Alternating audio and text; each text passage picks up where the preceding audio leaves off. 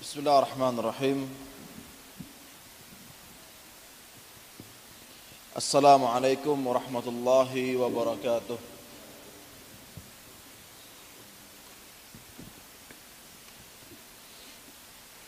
إن الحمد لله نحمده ونستعينه ونستغفره ونتوب إليه ونعوذ بالله من شرور أنفسنا وسيئات أعمالنا. من يهده الله فلا مضل له ومن يضلل فلا هادي له.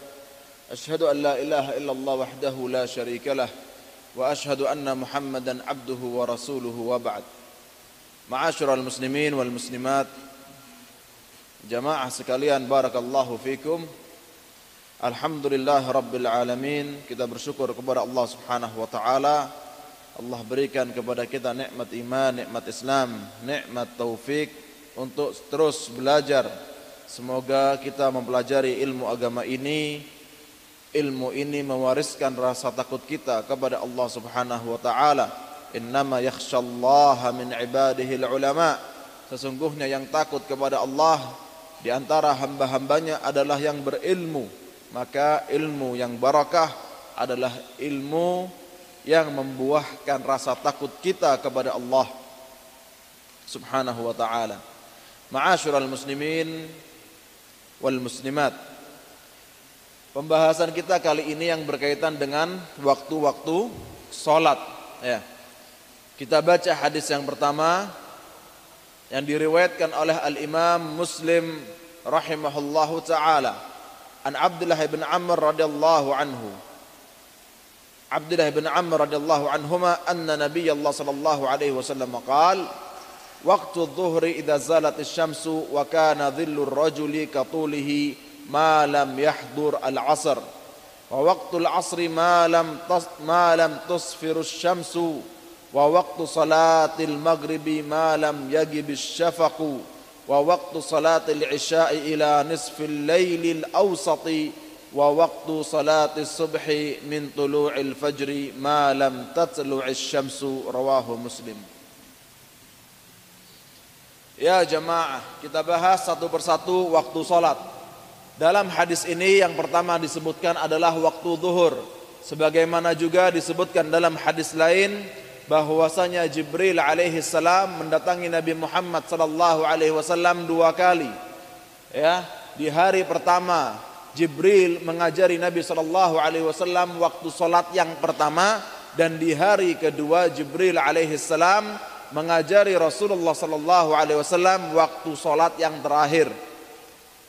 Hadis itu dan hadis ini yang ada di hadapan kita dari kitab Bulughul Maram hadis pertama sama-sama uh, dimulai dengan waktu zuhur. Maka saya mulai dengan waktu zuhur. Barakallahu fikum. Waktu zuhur dimulai apabila matahari tergelincir. Maksud matahari tergelincir atau sudah masuk waktu zuhur adalah apabila sekarang matahari dari timur Berarti ketika matahari dari timur di waktu pagi, bayangan ada di barat. Kapan mulai masuk waktu zuhur? Ketika bayangan ada di uh, di timur. Ketika bayangan ada di timur. Ya. Kemudian ada yang disebut dengan waktu zawal waktu tergelincirnya matahari ya yang di sana belum masuk waktu sholat. Disebutkan dalam buku fikih yang dimaksud dengan waktu zawal ketika matahari uh, berhenti sebentar ya. Contoh misalnya kita menggunakan apa? Uh, tanda ya menggunakan tongkat atau diri kita menggunakan orang ya Ketika matahari berada di timur, dia hampir berada di atas, hampir saja dia berada sedikit di barat dan bayangan ada di timur. Sebelum itu, ketika masih ada di timur, bayangan masih ada di barat sedikit. Ada waktu matahari itu disebut berhenti sebentar. Ya. Ketika waktu matahari itu bayangannya berhenti sebentar ketika jalan terus. Misalnya sekarang ada bayangan di barat. Ya, bayangannya berapa? Dari uh, yang dijadikan tolak ukur diri kita, misalnya. Ya, diri manusia itu biasanya adalah enam setengah telapak kaki. Enam setengah telapak kaki. Sekarang ada misalnya 30 cm, terus turun. 29, 28, 27, 26, 25, sampai misalnya tinggal 7 cm, berhenti sebentar, tidak seperti biasanya. Kemudian mulai lagi, ya. Sampai akhirnya 7 cm itu baru turun lagi 6, 5, 4, 3, 2, 1, kemudian 0, kemudian uh, matahari sudah berada di barat dan bayangan di timur, itu masuk waktu zuhur. Pertanyaannya, selama tujuh menit tadi itu apa? Itu disebut dengan waktu zawal. Di waktu zawal itu dilarang untuk sholat. Yang disebut dengan waktu zawal apakah tujuh menit? Apakah lima menit? Apakah hanya sebentar? Wallahu a'lam bisawab. Saya kurang mengerti tahkiknya. Ya, tapi saya lebih condong kepada secara umum guru saya Syekh Yunus Salamah, Yunus bin Abdullah Salamah, doktor fikih, ulama fikih di Madinah. Beliau mengatakan kurang lebihnya 5 menit, 7 menit. Kurang lebihnya 5 menit, 7 menit. Adapun ada ulama lain bernama Ibnu Ujail Asy-Syafi'i, ulama dari Yaman. Beliau mengatakan bulan bulan Juni ya, bulan Juni tanggal 1 itu hanya beberapa detik waktu zawal. Tanggal 2 ditambah satu jari. Tanggal 3 tambah satu jari. Tanggal 4 tambah satu jari. Kemudian selama bulan Juni adalah sebesar telapak kaki orang yang sedang menghitung waktu zuhur. Bulan Juli dua telapak kaki. Agustus tiga telapak kaki. September empat telapak kaki. Itu pendapatnya siapa? Ibnu Ujain, ulama dari Yaman. Dan beliau mengatakan khusus waktunya Yaman ketika itu. Tidak mengatakan secara umum. Ya. Khusus waktunya Yaman. Ada juga yang mengatakan waktu zawal secara umum itu hanya beberapa detik. Saya lebih condong kepada pendapat guru saya, namanya murid belajar dari gurunya, belajar kitab dari gurunya, guru saya mengatakan 5 menit, 7 menit. Maka ketika waktu 5 menit itu waktu zawal, nanti juga kita bahas adalah waktu dilarang untuk sholat. Ya, itu mulainya waktu zuhur. Intinya dalam waktu zuhur perhatikan dua hal. Pertama zawalnya kapan? Yang kedua ketika bayangan sudah ada di timur. Bayangan ada di timur masuk waktu zuhur. Ya. Setelah itu inilah waktu fadilah untuk melaksanakan sholat karena kata Nabi Shallallahu Alaihi Wasallam khairul a'mali as-salatu ala waktiha. Sebaik-baik amalan adalah salat di awal waktunya. Kemudian ketika masuk waktu asar, kapan waktu asar itu? Waktu asar adalah sekarang saya mencari waktu zuhur. Ya. Kemudian anggap saya tinggi saya 167 misalnya. Eh, 167 kurang lebih. Kemudian waktu asar itu kapan? Ketika bayangan saya ke timur itu 167 ditambah waktu zawal. Ditambah waktu zawal. Bukan waktu zawal, ditambah sentimeter zawal tadi. Jarak zawal dengan sentimeternya tadi berapa? Tadi saya mengukur zawal. Zawalnya dari diri saya yang 167 cm adalah 7 cm. Berarti berarti waktu asar itu kapan?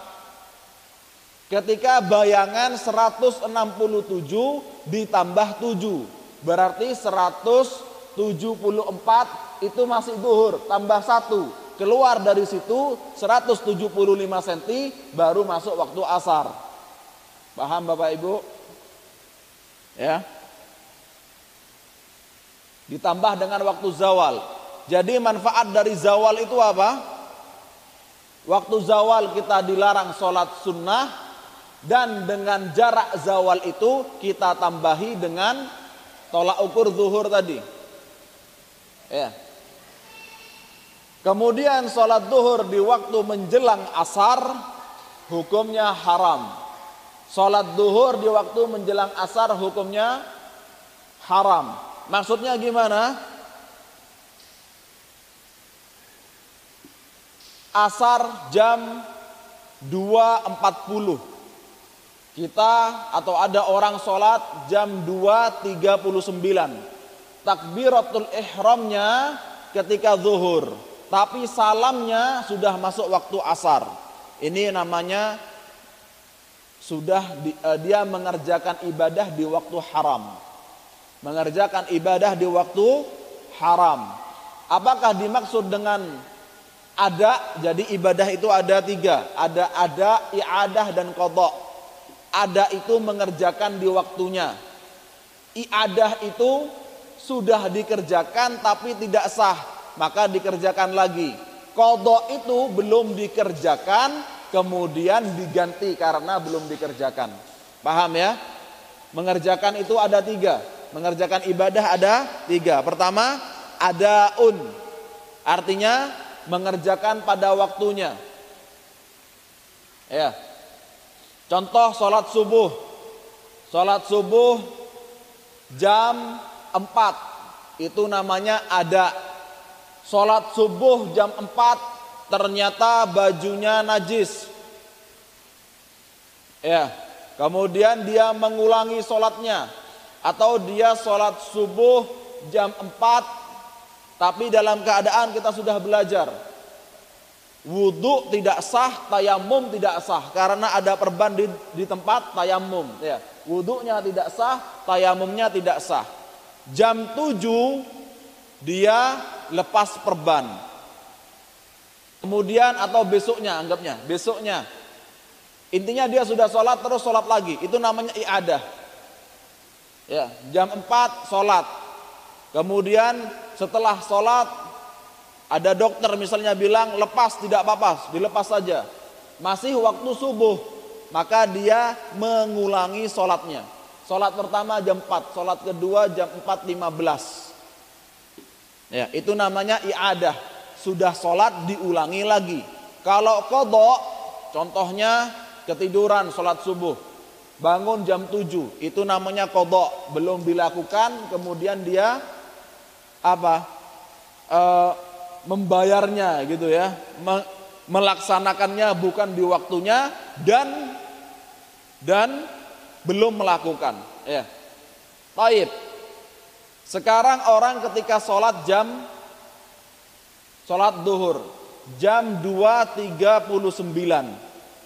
disebut ada atau kodok. Tidak disebut iadah karena dia ini pertama kali melakukan. Iadah itu sudah melakukan diulangi lagi antara ada atau kodok ini ada atau kodok kalau dia sampai ruku ini ada kalau dia tidak mendapati ruku maka kodok maksudnya dia ruku sudah masuk waktu asar. Salat takbiratul ihram jam 2.39. Allahu akbar. Bismillahirrahmanirrahim. Alhamdulillahirabbil alamin arrahmanir rahim maliki yaumiddin. Ternyata di masjid Allahu akbar, Allahu akbar. Berarti dia salatnya qada. Kalau dia sholat kemudian takbiratul ihram, membaca Al-Fatihah, membaca surat pendek, atau karena saking takut keluarnya waktu hanya membaca alif lam mim. Sahih. Boleh. Ya.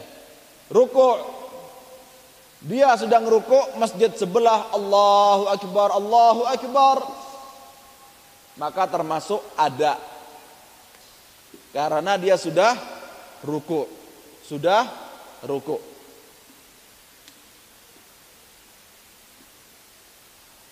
Baik. Waktu asar berarti tadi berapa senti? Mulainya 175 senti. Iya. Kemudian itu sudah masuk waktu asar. Waktu asar terbagi menjadi tiga. Waktu fadilah, waktu jawaz, atau terbagi menjadi empat. Waktu karahah dan waktu tahrim, waktu haram. Yang pertama waktu fadilah. Kapan waktu fadilah itu? Semenjak bayangan itu 175 cm sampai dikali dua. Sampai dikali dua.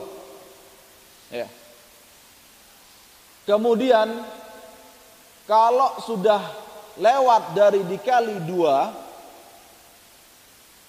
ya, maka masuk waktu jawaz boleh maksud dari waktu fadilah ketika mengerjakan di waktu itu mendapat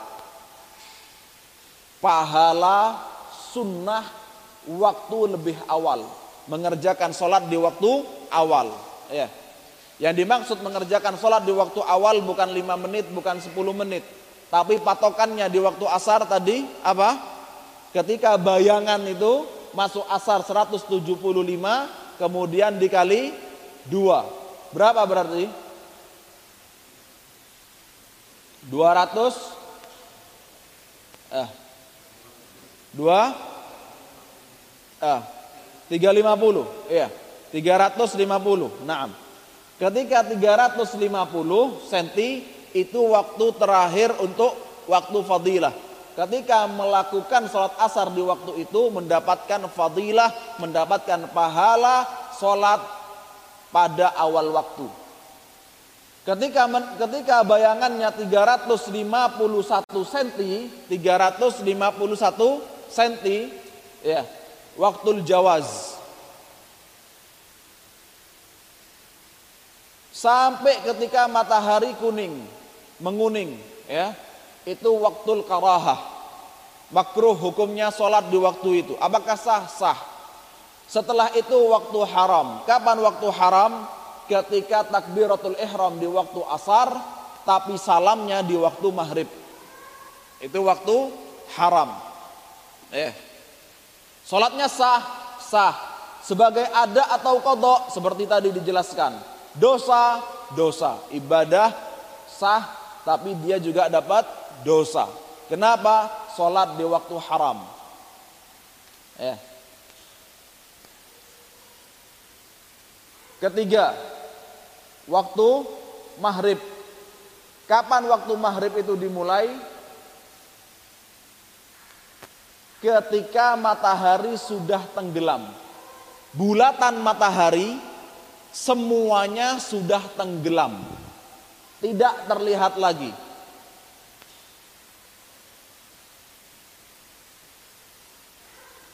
tidak terlihat lagi. Tapi ada warna merahnya, ada warna merah. Ada asyafaq al-ahmar, ada warna merah. Itu masuk di waktu maghrib. Ya. Waktu maghrib tidak seperti yang asar tadi dibagi menjadi waktu fadilah, waktu waktu jawaz boleh, waktu makruh dan waktu haram tidak waktu maghrib adalah langsung dikerjakan. Waktu maghrib langsung dikerjakan. Ya. Waktu maghrib langsung dikerjakan. Kisaran kisarannya orang mandi. Orang mandi, kemudian sholat qobliyah dua rakaat atau empat rakaat, yakni 20 menit, 25 menit, langsung sholat maghrib. Kemudian kapan selesainya waktu maghrib ketika warna merah itu sudah habis. Ketika warna merah itu sudah habis. Ya. Dan itu masuk waktu Isya. Masuk waktu Isya. Ya. Kemudian waktu Isya juga terbagi menjadi tiga. Waktu fadilah, waktu jawaz, dan waktu haram. Waktu fadilah kapan? Sepertiga malam pertama. Misal Isya jam 7, subuh jam 4. Berapa jam? 9 ya. 9 jam, 7, 8, 9, 10, 11, 12, 1, 2, 3, 4, 9 jam. Berarti 3 jam pertama adalah waktu fadilah. Ya. Setelahnya boleh sholat isya mau jam 12, 1, 2, 3, 4, eh, 1, 2, 3 boleh. Waktu jawaz. Kapan menjadi waktu haram? Ketika jam 3, 55 jam 3 lebih 58 ya ketika seseorang sholatnya takbiratul ihram di waktu isya tapi salamnya di waktu subuh. Kemudian sekarang waktu subuh. Kapan subuh itu dimulai? Ketika ada al khaytul abyadu minal khaytil aswadi minal fajr. Ada warna putih yang membentang dari selatan ke utara, dari selatan ke utara. Itu disebut dengan fajar sodik. Adapun ketika ada cahaya tapi cahayanya dari atas ke bawah dari atas ke bawah itu fajar kadib. Fajar kadib. Ya. Fajar kadib itu cahayanya dari bawah ke atas dan dia hilang. Setelah dia hilang sesaat kemudian akan muncul cahaya putih dari selatan ke utara. Iya.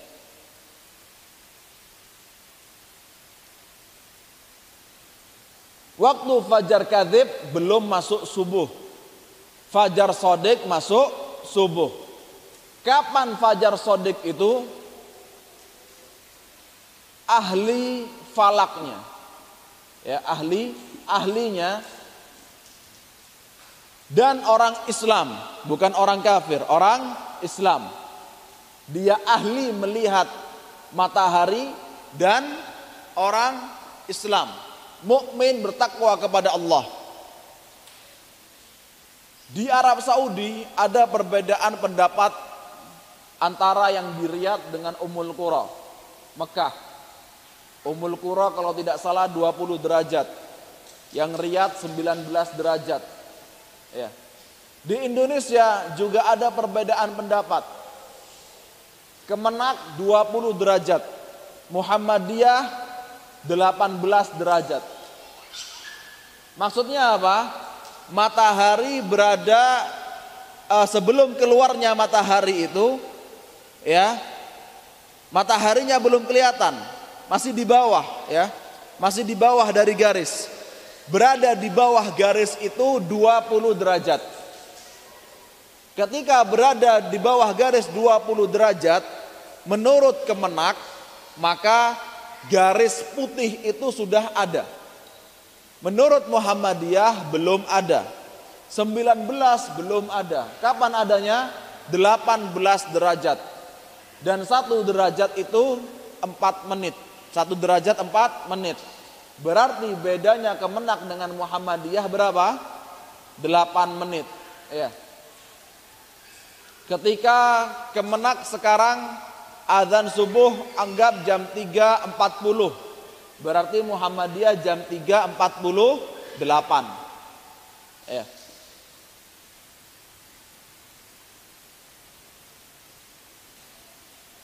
Taib, mana yang benar? Wallahu a'lam bissawab. Ketika antum mendapati dekat dengan ahli falak, kemudian ahli falaknya mengatakan hujah-hujah kepada antum, ya, mengatakan 20 derajat antum yakin ikuti Ketika antum dekat dengan ahli falak, ahli falaknya menyebutkan hujah-hujah kepada antum 18, antum ikuti, silahkan. Eh. Karena di negara kita itu kita dibantu oleh kemenak tapi tidak diwajibkan ikut kemenak. Betul tidak? Ah? Kemenak memfasilitasi kita membantu kaum muslimin tapi tidak mewajibkan. Ya. Kemenak mengatakan Idul Fitri satu Syawal jatuh pada 20 Agustus misalnya. Yang lain mau 19, 21, 22, gih monggo. Ya. Maka kita ikut yang mana? Ikut Kemenak silahkan. Ikut Muhammadiyah silahkan. Ya. Ketika hati antum condong kepada Kemenak silahkan. Taib. Tapi jangan tatabbu rukhas jangan tasahul, jangan bermudah-mudahan. Contoh misalnya urusan sahur ikut Muhammadiyah. Kalau Ramadan ikut Muhammadiyah, nanti Syawal ikut Kemenak. Nah, ini kan keliru. Eh. Karena waktu sahurnya Muhammadiyah sampai jam 3.48. Untung 8 menit. Iya enggak? Ah? Kalau Ramadan ikut Muhammadiyah, kemarin Sya'ban ikut Kemenak, besok Syawal ikut Kemenak. Wah ini bermudah-mudahan, tidak boleh. Eh. Dan kalau antum mau berhati-hati, ya, kalau antum mau berhati-hati, baik untuk berhati-hati al khuruju minal khilafi mustahab. Keluar dari khilaf adalah sunnah kata Imam Syafi'i. Maka buka uh, maka sahurnya ikut sahur ikut kemenak jam 3.40 sudah tidak boleh makan dan minum. Ikut kemenak sahurnya. Ya. Tapi sholatnya ikut Muhammadiyah. Kapan sholatnya? Jam 3.49 nanti misalnya. Itu berhati-hati. Bagus berhati-hati berhati-hati bagus bermudah-mudahan hati-hati Ya.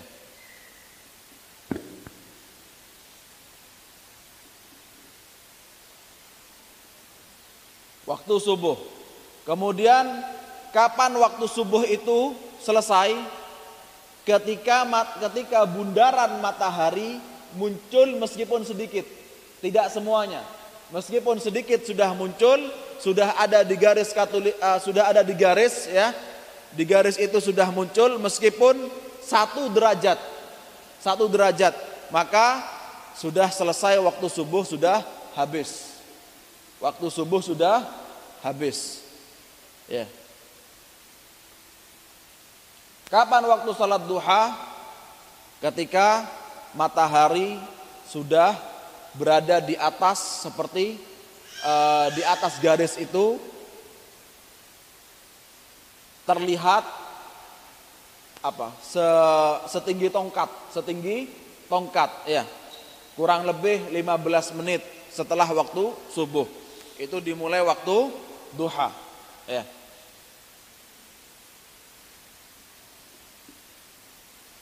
Barakallahu fikum. Kemudian dalam larangan-larangan sholat ada larangan sholat di waktu terlarang. Waktu terlarang ada tiga. Ba'da subuh, waktu zawal tadi ketika sebelum duhur, ya, dan setelah asar. Yang dilarang apa? Yang dilarang apa? Saya jelaskan madhab syafi'i aja ya. Satu madhab biar tidak bingung. Yang dilarang apa? Pertama madhab syafi'i dan juga jumhurul ulama adalah yang dilarang sholat sunnah mutlak. Sholat sunnah mutlak itu apa? Pokoknya sholat. Sholat apa ini? Sholat sunnah. Sunnah apa? Sunnah pokoknya sunnah. Eh. Itu sunnah mutlak, tidak dikaitkan dengan apa pun. Bukan dua rakaat sebelum subuh, bukan tahiyatul masjid, bukan sholat jenazah, bukan sholat gerhana bulan. Eh, Sholat apa? Pokoknya sholat sunnah. Ini mutlak, tidak diikat dengan apa pun. Jumhurul ulama mengatakan Jumhur ulama empat madhab ya mengatakan tidak boleh sunnah mutlak. Kemudian muqayyad. Muqayyad terbagi menjadi tiga. Dulu dulu sudah beberapa kali ada pertanyaan, saya sebutkan secara uh, global aja. Sekarang saya sebutkan lebih detail. Muqayyad terbagi menjadi tiga. Muqayyad berarti dia ada sebabnya. Ya, sebabnya apa? Sunnah sholat jenazah. Sebabnya apa? Sunnah sholat gerhana bulan. Sebabnya apa? Sunnah sholat tahiyatul masjid. Maka sebab ini terbagi menjadi tiga. Yang pertama, sebab dulu baru sholat. Yang kedua, sebab barengan dengan sholat sunnah. Yang ketiga, sholat dulu baru sebab. Contoh yang pertama, apa tadi? Sebab dulu baru sholat. Contohnya apa? Tahiyatul masjid. Tahiyatul masjid. Masuk dulu baru sholat. Apa sholat dulu di luar baru masuk? Masuk dulu, berarti kan sebab dulu. Paham ya? Kalau sebab dulu baru sholat, maka boleh melaksanakan sholat sunnah muqayyad kalau sebabnya duluan. Ada jenazah. Kita nyolati dulu baru mati atau mati dulu baru disolati? Hah? Kan mati dulu baru disolati. Apa hukumnya sholat jenazah pada asar? Boleh. Ya. Yang kedua, sebab dan Sholat berbarengan. Contohnya apa? Sholat gerhana bulan, gerhana matahari. Kapan antum lihat gerhana bulan, langsung sholat. Berbarengan. Hukumnya apa? Boleh sholat sunnah mukoyat di waktu terlarang apabila sebab dan sholatnya berbarengan. Yang ketiga, Sholat dulu baru sebab. Contohnya apa? Ketika antum nyari jodoh lagi, sholat istikharah dulu baru doa istikharah. Ya. Kan sholat dulu baru doa istikharah. Ya. Sholat dulu, sebabnya terakhir. Ketika sebabnya terakhir, maka makruh hukumnya sholat di waktu terlarang. Salat jenazah ba'da subuh boleh tidak? Boleh. Salat tahiyatul masjid ba'da asar boleh tidak? Boleh. Salat istikharah ba'da asar boleh tidak? Hah? Gimana ini? Diminta jawaban jam 5. Ya apa? Hah? Diminta jawaban sama keluarga perempuan jam 5 sore. Antum sudah sholat asar, sekarang jam 4. Sholat istikharah apa enggak antum? Hah? Bilang sama keluarganya nanti ya habis maghrib. Eh. Tidak boleh, haram hukumnya. Ya. Oleh karenanya ada ibadah ada ibadah apabila dilakukan bukan pahala malah dosa. Hal yastawil ladzina ya'lamuna wal ladzina la ya'lamun. Apakah sama orang yang mengerti dan orang yang tidak mengerti? Contohnya kunut. Kunut subuh. Dalam madhab syafi'i hukumnya ba'dun. Hukumnya apa? Ba'dun. Ba'dun itu artinya setengah sunnah, setengah rukun. Ya. Kalau ditinggalkan diharuskan sholat, eh, diharuskan sujud sahwi. Kemudian orang kunut, suaranya enak, bagus, ya, dia pingin khusyuk, ya, dan dia Allahumma hadi apa Allahumma hadina fi man hadait Allahumma hadina fi man hadait Allahumma hadina fi man hadait wa afina fi man afait wa'afina fi man afait. Wa'afina fi man afait. Diulang-ulangi lagi. Kata Imam Syafi'i batal sholatnya. Bukan kunutnya yang batal sholatnya batal. Karena terlalu panjang.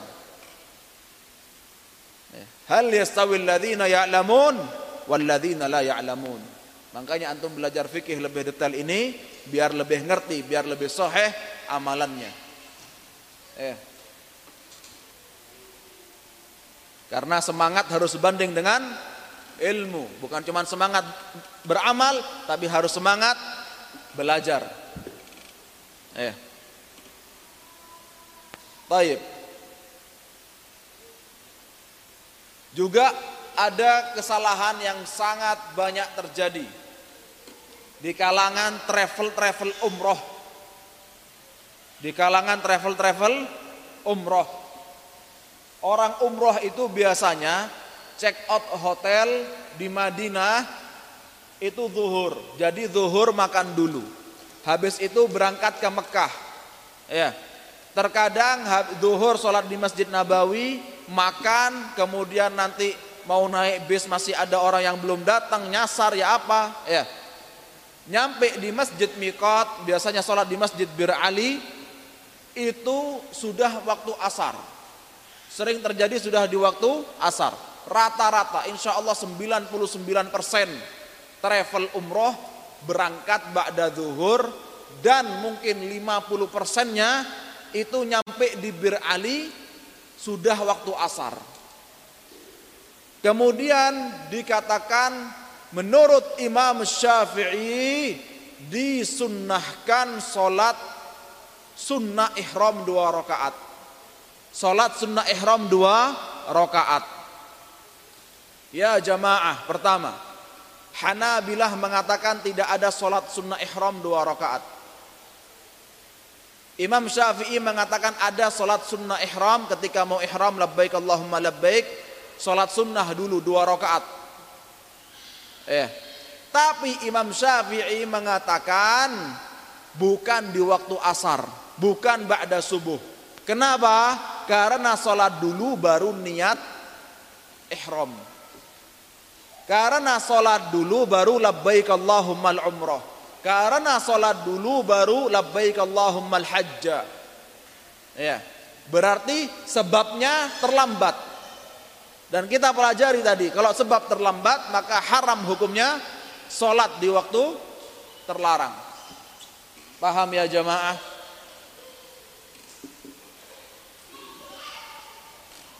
Barakallahu fikum. Taib. Kita baca hadis yang kedua. Walahu min hadithi Buraidah radhiyallahu anhu fil asr. Dari Imam Muslim dari sahabat Nabi sallallahu alaihi wasallam Buraidah radhiyallahu anhu tentang salat asar. Wasyamsu baydha'un naqiyah wasyamsu murtafi'ah. Dalam hadis lain digabung, digabung murtafi'atun baydha'un naqiyah.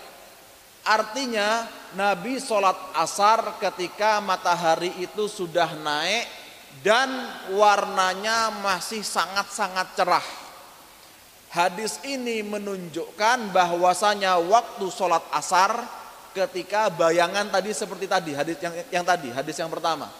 Bayangannya dua kali. Bayangannya dua kali dikali dua bayangan.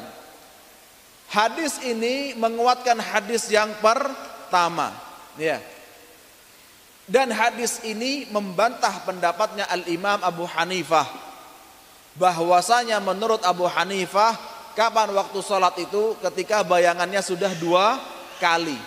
Ya. Makanya dulu di waktu kuat-kuatan madhab di Makkah Madinah itu sholat asar di Madinah Makkah dua kali. Jadi ada azan jam 3, ada azan nanti jam 4 atau jam 4 kurang untuk sholatnya madhab Hanafi. Ya. Hadis ini menguatkan pendapat jumhur dan membantah pendapat al-imam Abu Hanifah rahimahullahu ta'ala. Bahwa Nabi sholat ketika mataharinya masih sangat-sangat cerah. Berarti di awal waktu. Ya.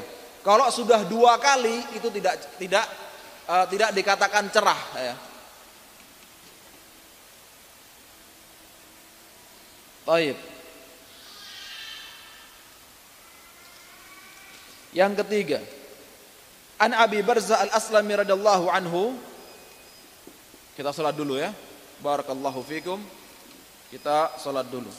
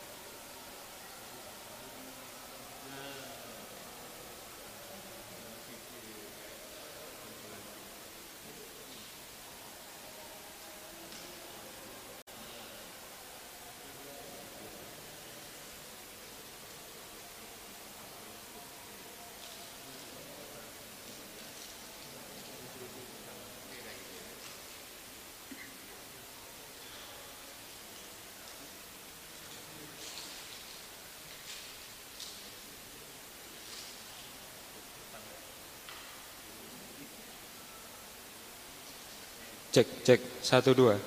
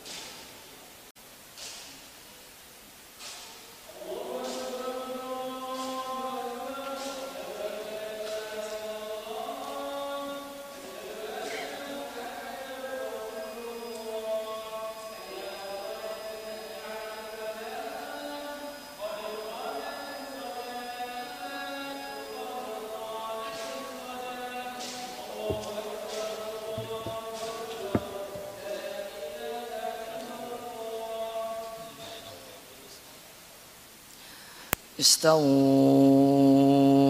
Aqimu sufufakum ma'tadilu Dimohon untuk meneruskan dan merapatkan soft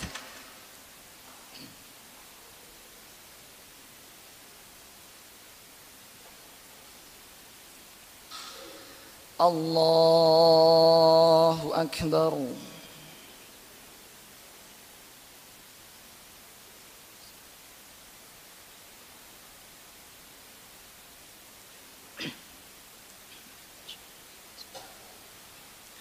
الحمد لله رب العالمين.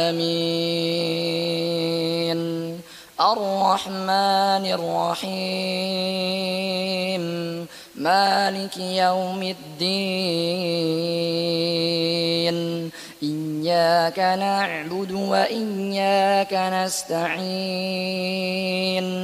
اهدنا الصراط المستقيم. صراط الذين أنعمت عليهم غير المغضوب عليهم ولا الضالين.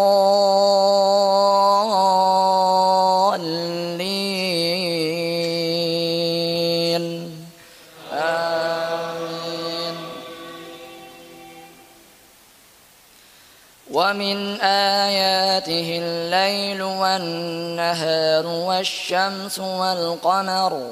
لا تسجدوا للشمس ولا للقمر واسجدوا لله واسجدوا لله الذي خلقهن إن كنتم إياه تعبدون. فإن استكبروا فالذين عند ربك يسبحون له بالليل والنهار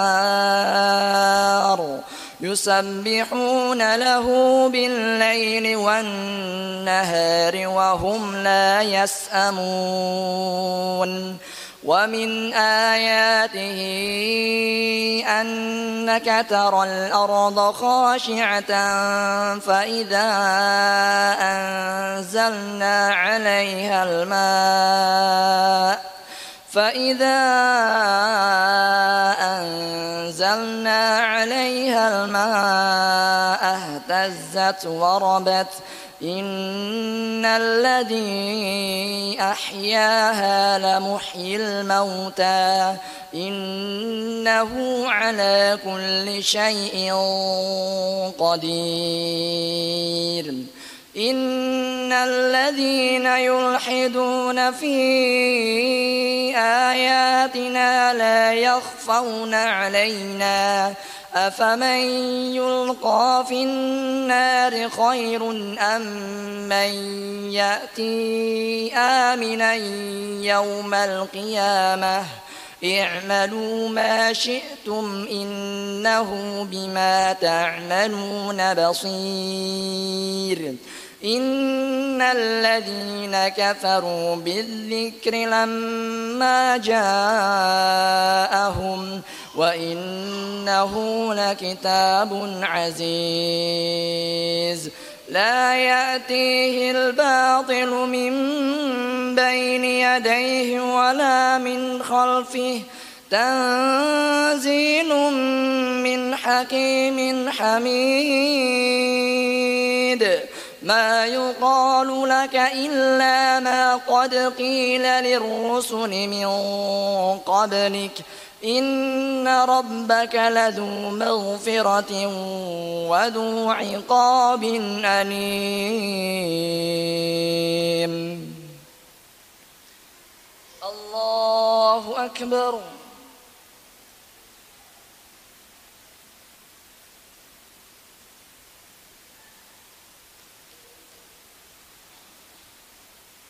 سمع الله لمن حمده.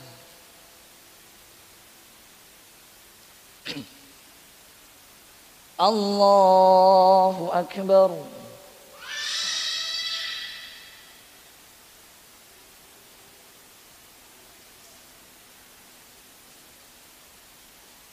الله أكبر.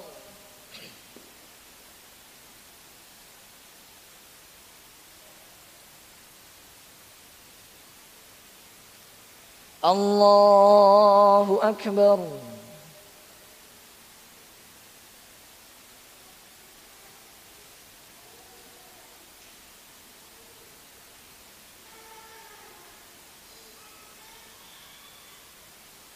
الله أكبر.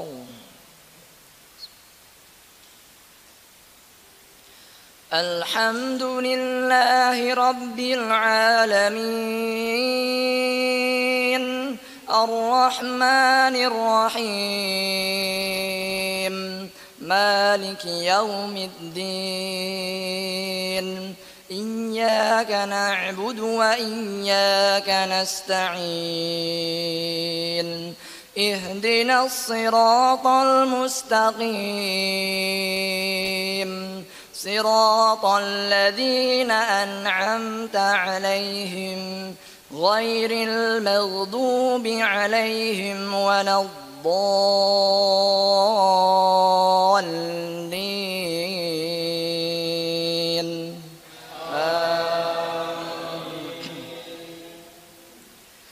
ولو جعلناه قرآنا أعجميا لقالوا لولا فصلت آياته أعجمي وعربي قل هو للذين آمنوا هدى وشفاء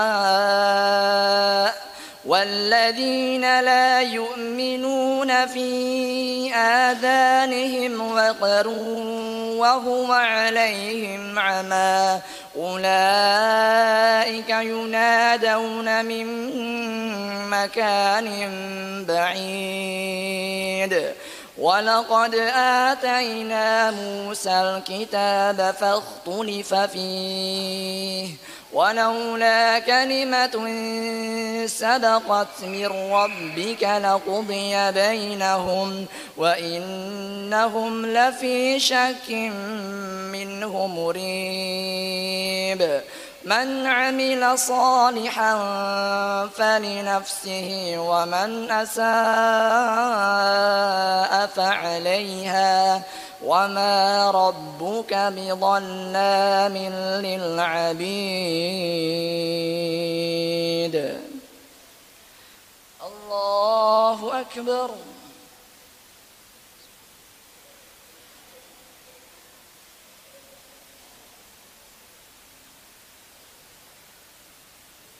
سمع الله لمن حمده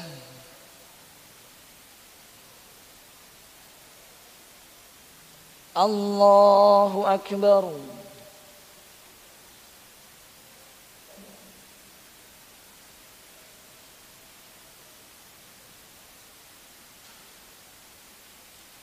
الله أكبر. الله أكبر.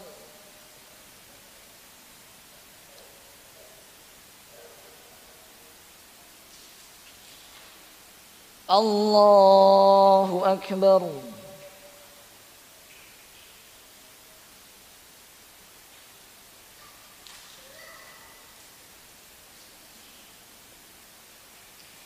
الله أكبر.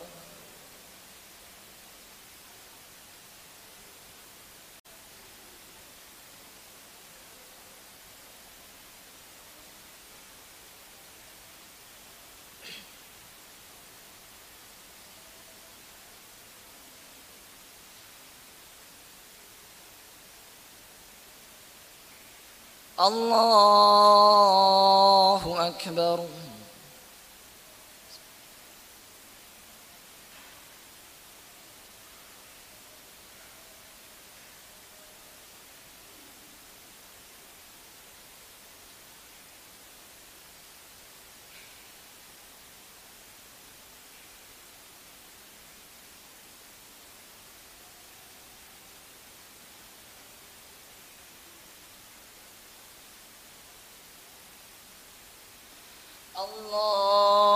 أكبر.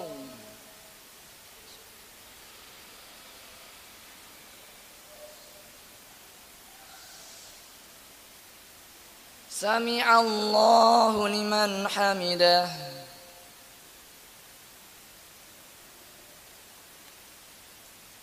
الله أكبر.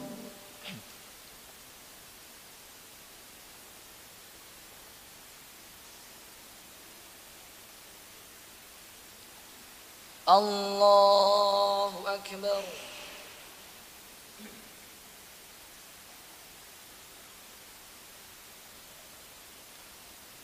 الله أكبر. الله أكبر.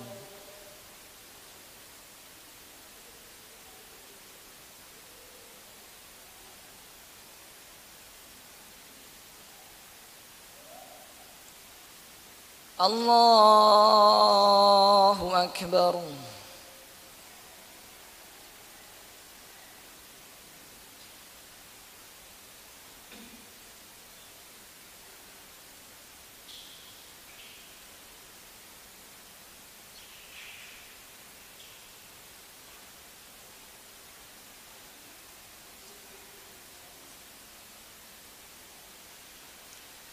الله أكبر.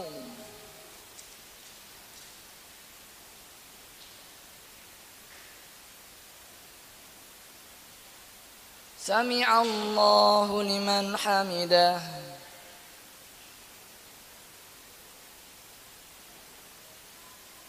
الله أكبر.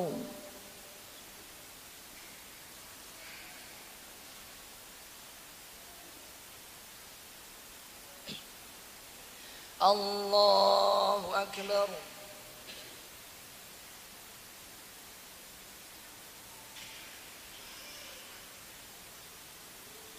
الله أكبر.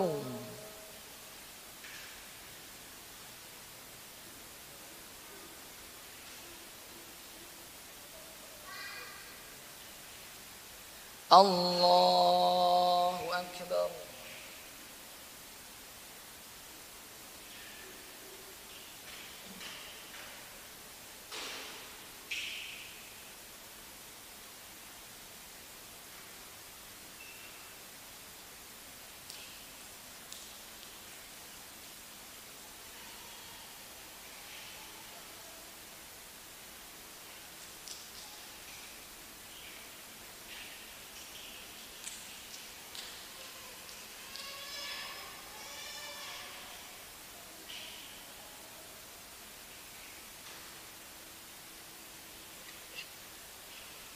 السلام عليكم ورحمة الله.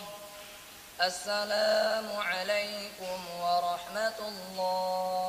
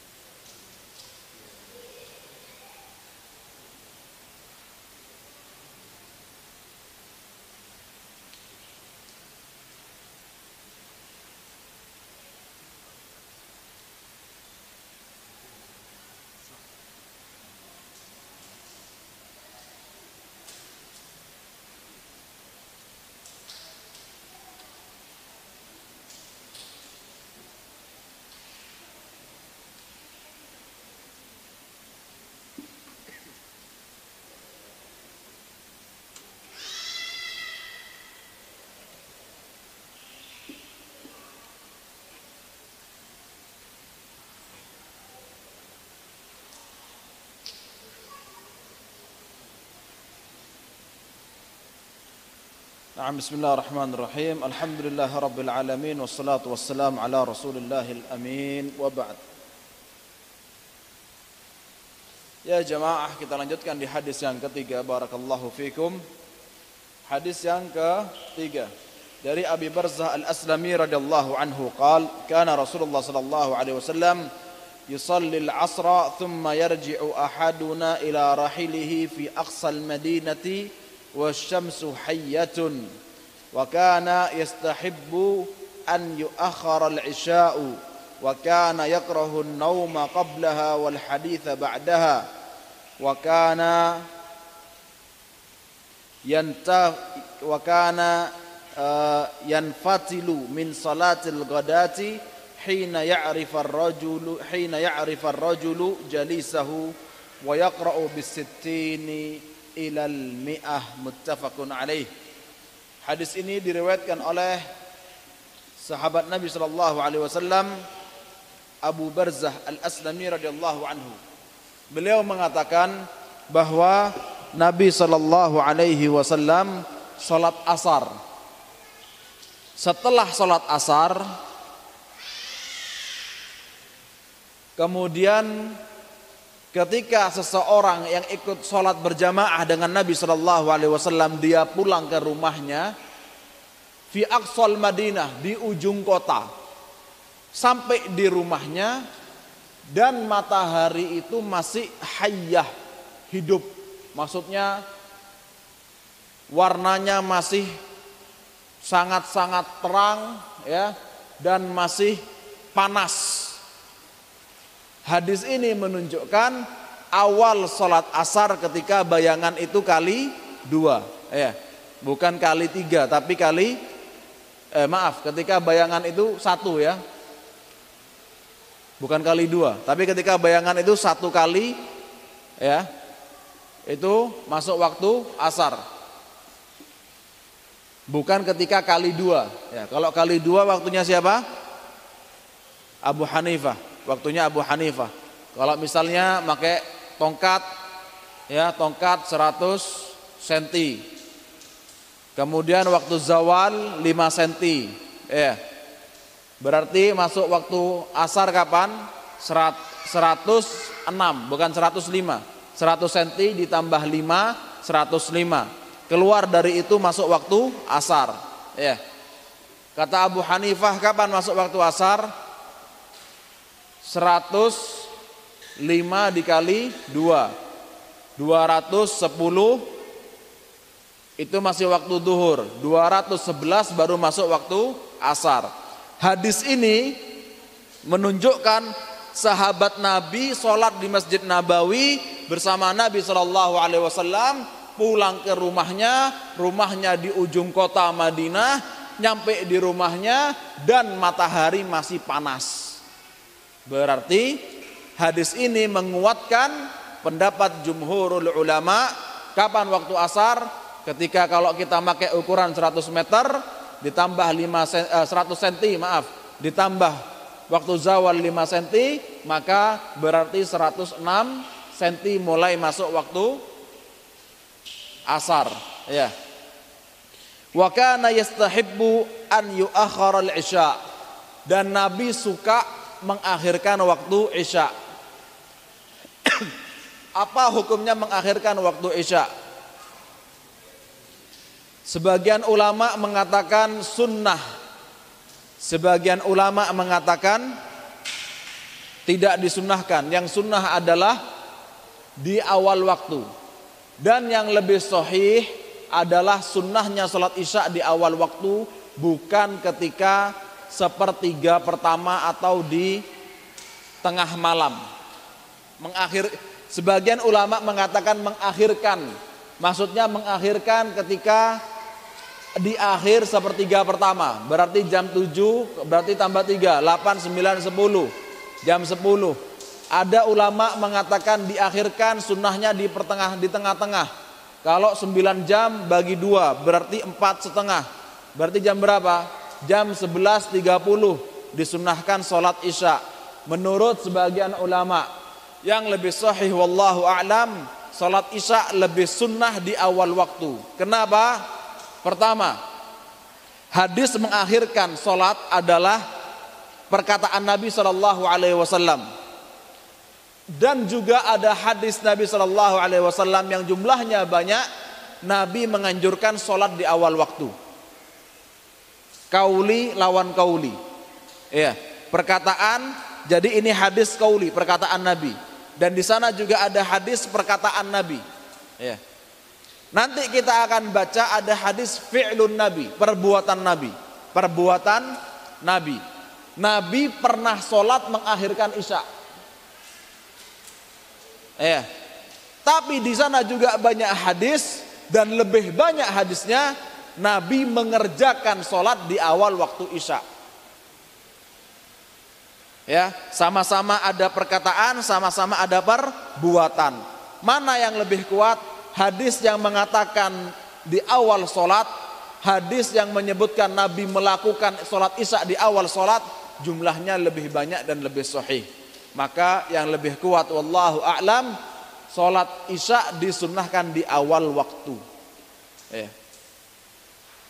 Imam Syafi'i dalam madhab qadim mengatakan diakhirkan lebih afdol. Dan sebagian ulama mengatakan diakhirkan lebih afdol. Ya.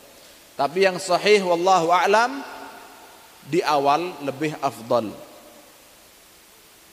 Wa kana yakrahu an-nauma qablaha wal haditha ba'daha. Nabi tidak suka tidur sebelum Isya. Jadi sholat Isya dulu baru tidur. Dan Nabi tidak suka berbicara setelah sholat isya. Jadi habis isya itu tidur. Jangan ngobrol. Ya. Bukan begadang. Maka begadang apa hukumnya? Begadang untuk ngobrol sama manusia apa hukumnya? Makruh. Tapi untuk talabul ilmi afdal. Kata Imam Ahmad menuntut apa mempelajari satu hadis semalaman lebih aku sukai daripada solat semalaman. Ya. Kemudian dan Nabi Shallallahu Alaihi Wasallam itu ketika solat subuh beliau pergi dari masjid ketika seseorang sudah mulai bisa melihat teman sebelahnya. Berarti dari hadis ini kita pahami Nabi sholat subuh di awal waktu. Ya. Karena juga ada pendapat sholat subuh afdolnya ketika matahari atau langit ini warnanya sudah mulai menguning, sudah jelas, sudah mulai bisa lihat. Ya.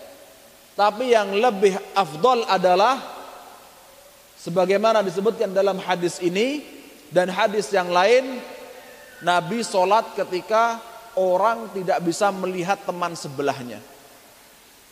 Ya. Dalam hadis lain disebutkan waktu golas ketika gelap. Dalam hadis lain disebutkan solat yang paling berat bagi orang munafik adalah solat subuh. Kenapa? Karena tidak kelihatan. Ya. Wa yaqra'u bisittin ilal mi'ah dan Nabi membaca ketika solat subuh itu 60 sampai 100 ayat. Dua rakaat atau satu rakaat? Wallahu a'lam bisawab. Bisa jadi maksudnya 60 rakaat eh 60 ayat dibagi dua rakaat 30 30 bisa juga maksudnya rakaat pertama rakaat pertama 60 rakaat kedua 60 intinya memanjangkan bacaan ketika sholat subuh ya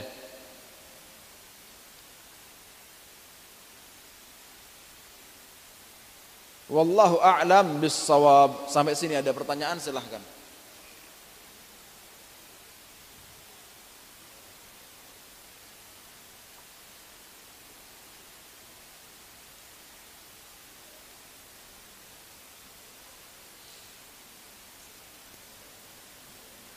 Nah.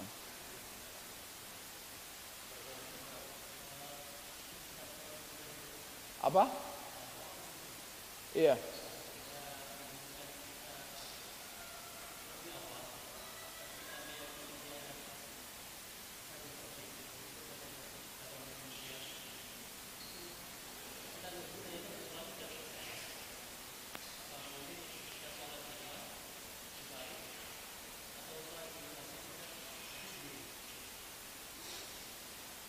Nah, kita meyakini 18 derajat. Sedangkan masjid terdekat di rumah ikomah 5 menit setelah adzan 20 derajat. Berarti belum masuk 3 menit. Ya. Belum masuk waktu sholat yang kita yakini 3 menit. Bagaimana hukumnya? Ya jangan sholat di sana. Cari masjid lain. Cari masjid lain. Ya. Masjid sebelahnya yang ikomahnya 10 menit setelah adzan sudah masuk. Ya. Yang ikomahnya 15 menit setelah adzan, 20 menit setelah adzan. Eh. Apakah kemudian sholat di masjid sendirian? Boleh. Tapi lebih afdol sholat berjamaah di masjid yang lain. Itu yang lebih afdal. Kalau tidak sholat di masjid sendirian atau sholat di rumah berjamaah. Lebih rendah lagi sholat di rumah sendirian. Eh, wallahu a'lam bissawab. Intinya kalau kita yakini 18 derajat yang konsekuen. Jangan sekarang 18 besok 20. Ya, jangan terserah masjidnya, jangan. Yang konsekuen. Naam, barakallahu fikum. Iya, Pak.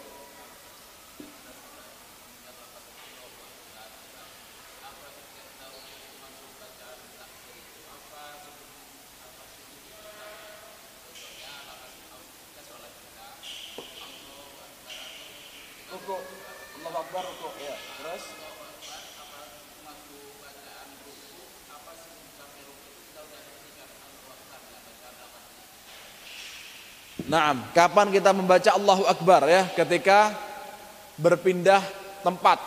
Ya, kapan membacanya? Ketika bergerak. Ketika bergerak. Ya.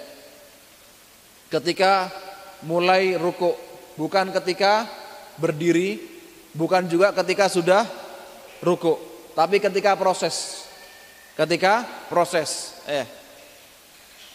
Dan juga oleh karenanya nasihat saya untuk imam jangan cepat-cepat.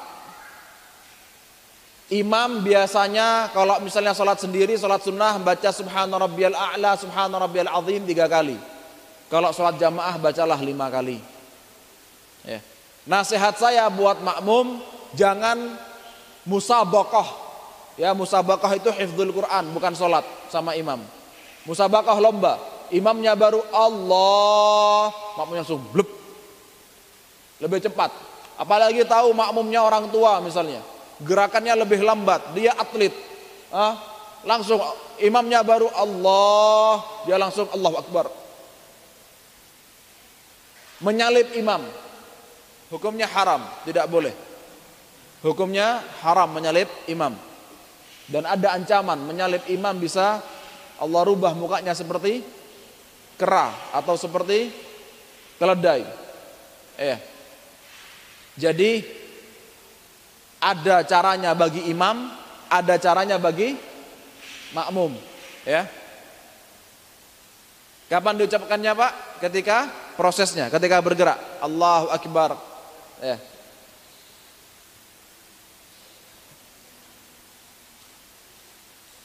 Barakallahu fikum.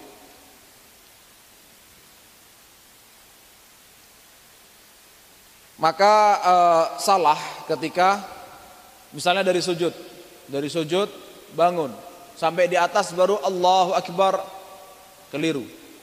Karena itu sudah selesai prosesnya. Eh. Juga salah ketika dia masih di bawah Allahu Akbar selesai. Eh.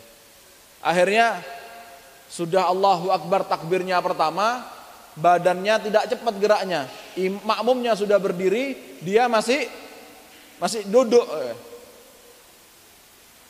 Jadi perlu diperhatikan ketika proses. Ketika proses sebutkan Allahu Akbar. Ya. Kemudian kalau misalnya setelah sujud mau berdiri, antum jalsa istirahat, duduk istirahat. Sebagaimana hadis sahih yang diriwayatkan oleh Abi Mahdhurah radhiyallahu anhu. Kapan mengucapkan mengucapkan Allahu Akbar? Dari duduk itu, bukan dari sujud, tapi dari duduk. Ketika dari duduk mau berdiri, ucapkan Allahu Akbar, bukan dari sujud, ya. Nanti kalau belakang antum dengarkan antum Allahu Akbar, dia langsung berdiri tanpa duduk, ya kan kesalip. Ya. Jadi prosesnya apa? Baca takbir membaca takbir kapan? Ketika proses. Nah, barakallahu fikum. Ada pertanyaan lain? Insya Allah jelas ya. Kemudian satu hal lagi yang penting dalam masalah waktu wajib hukumnya melaksanakan sholat di waktu yang kita dengan yakin. Yakin. Kalau tidak punya keyakinan maka menggunakan istihad. Berusaha mengetahui waktu. Berusaha mengetahui waktu berarti 51 sampai 99 persen. Kalau syak 50% tidak tahu sama sekali sekarang sudah duhur atau belum, maka jangan sholat dulu. Sampai benar-benar yakin. Sampai benar-benar yakin. Antum ada di mana tidak tahu jam sholat ya. Tidak bawa jam, tidak tahu waktu ada di gunung, ada di mana. Mau sholat duhur, tidak tahu waktu. Sekarang sudah duhur atau belum. Sekarang kan ragu. Bentar lagi kan sudah tidak ragu. Tunggu waktu sampai tidak ragu. Ketika sholat di waktu ragu, tidak sah sholatnya. Ketika sholat di waktu ragu, meskipun betul, tidak sah sholatnya. Karena ibadah dibangun di atas ya, keyakinan. Kalau tidak dengan yakin, maka dibangun di atas dhon 51 sampai 99 persen. Bukan 50 persen, apalagi di bawahnya. Wallahu a'lam. Kita tutup dengan doa kafaratul majlis. سبحانك اللهم بحمدك أشهد أن لا إله إلا أنت أستغفرك وأتوب إليك. ثم السلام عليكم ورحمة الله وبركاته.